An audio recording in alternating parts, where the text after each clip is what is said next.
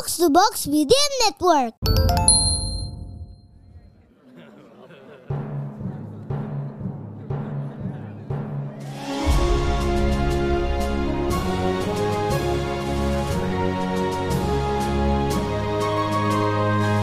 Perhatian, perhatian. Dongeng Paman Geri akan segera dimulai. Semua anak dipersilahkan untuk berkumpul.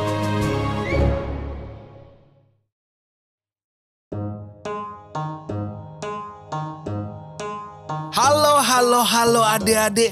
Teman ceritanya Paman Geri kita ketemu lagi di podcast Dongeng Paman Geri. Eh, tapi sebelum Paman Geri mau cerita, sebentar ya Paman Geri tinggal dulu ya. Ini soalnya, ini nyari-nyari dari tadi ke mana sih? Paman Geri sekarang lagi buka tas. Duh ke mana ya? Oh ini dia, ketemu akhirnya ada kunci mobilnya dia. Wah tadi nyelip di dalam. Hmm, Seneng ya kalau kita bisa menemukan apa yang memang kita cari. Wah, sama seperti Paman Giri menemukan kembali kunci mobil yang ada di dalam tas. Nah, kali ini ada ceritanya. Ada sesuatu yang bisa membantu kita untuk mendapatkan apa yang kita cari.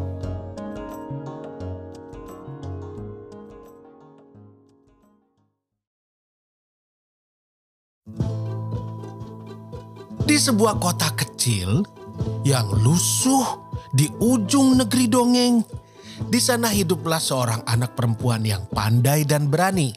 Namanya Brenda. Brenda ini hidup di panti asuhan.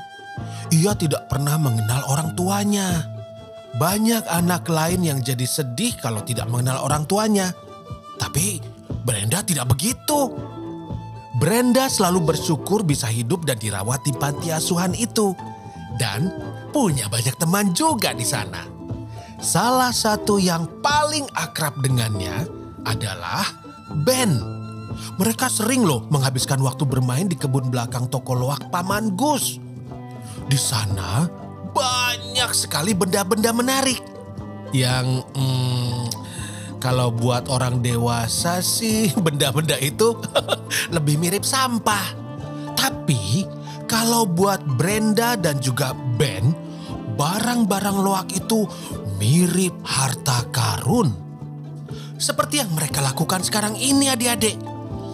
Sejak pagi, Brenda dan Ben sudah menyusuri kebun belakang toko loak. Oh, ada satu truk kecil berisi barang rongsok yang baru datang.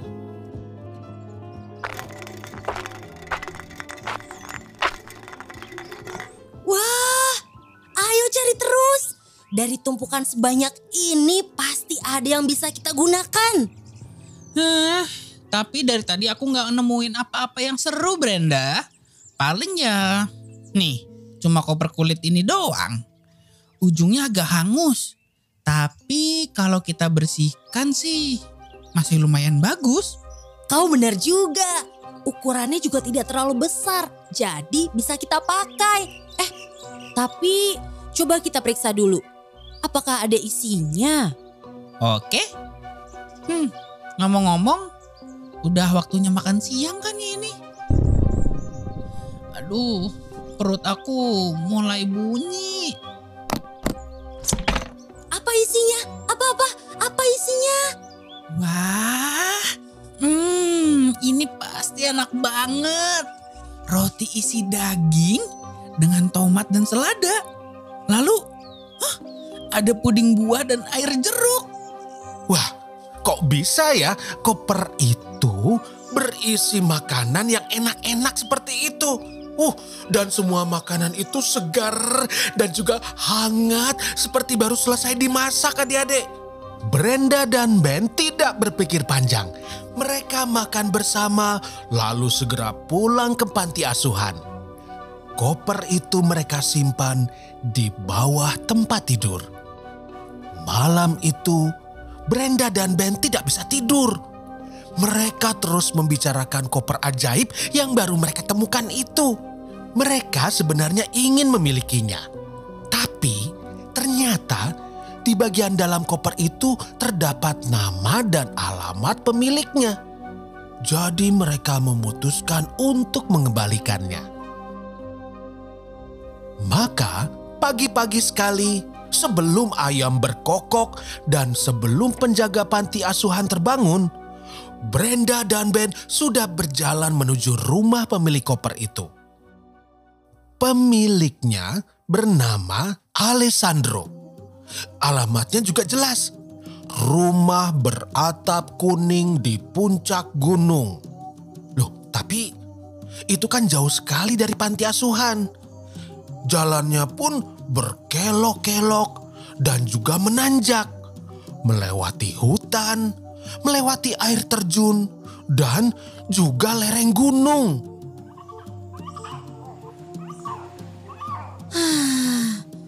Kita sudah berjalan berapa lama ya? Sepertinya sudah jauh sekali. Hmm, aku juga ngerasa gitu. Hmm, mungkin karena kita tadi malam kurang tidur kali ya. Jadinya kita cepet capek. Istirahat dulu yuk sebentar.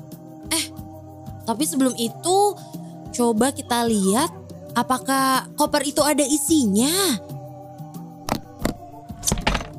Wah, dua alas tidur dan dua selimut tipis. Tidur siang sebentar. Abis itu, baru kita lanjutin lagi perjalanan kita. Oh, jadi koper itu berisi hal-hal yang dibutuhkan oleh orang yang memegangnya. Misalnya kalau lagi lapar, yang muncul ya makanan. Kalau lagi ngantuk, yang muncul ya alas tidur. Asik sekali ya. Paman Giri juga ingin punya koper seperti itu ah. Setelah tidur siang, Brenda dan Ben melanjutkan perjalanan mereka. Tapi ternyata jarak ke rumah Tuan Alessandro lebih jauh daripada yang mereka kira. Sudah tiga hari mereka melewati hutan dan padang rumput, tapi belum sampai-sampai juga. Untungnya, pemandangan sepanjang jalan begitu indah adik-adik dan juga sangat menakjubkan. Jadi Brenda dan Ben tidak bosan. Setelah melalui padang rumput yang ditumbuhi banyak sekali bunga liar, mereka akhirnya sampai di sebuah air terjun yang sangat megah. Ini kabar baik karena ini artinya mereka sudah hampir sampai. Ya tinggal memanjat tebingnya saja. Tapi uh, berhasil nggak ya mereka memanjat tebing yang kelihatannya sangat licin dan juga tinggi adik-adik? Uh, gimana ya? At atau gini, kita dengarkan di episode lanjutan berikutnya ya adik-adik ya. Ya, ya.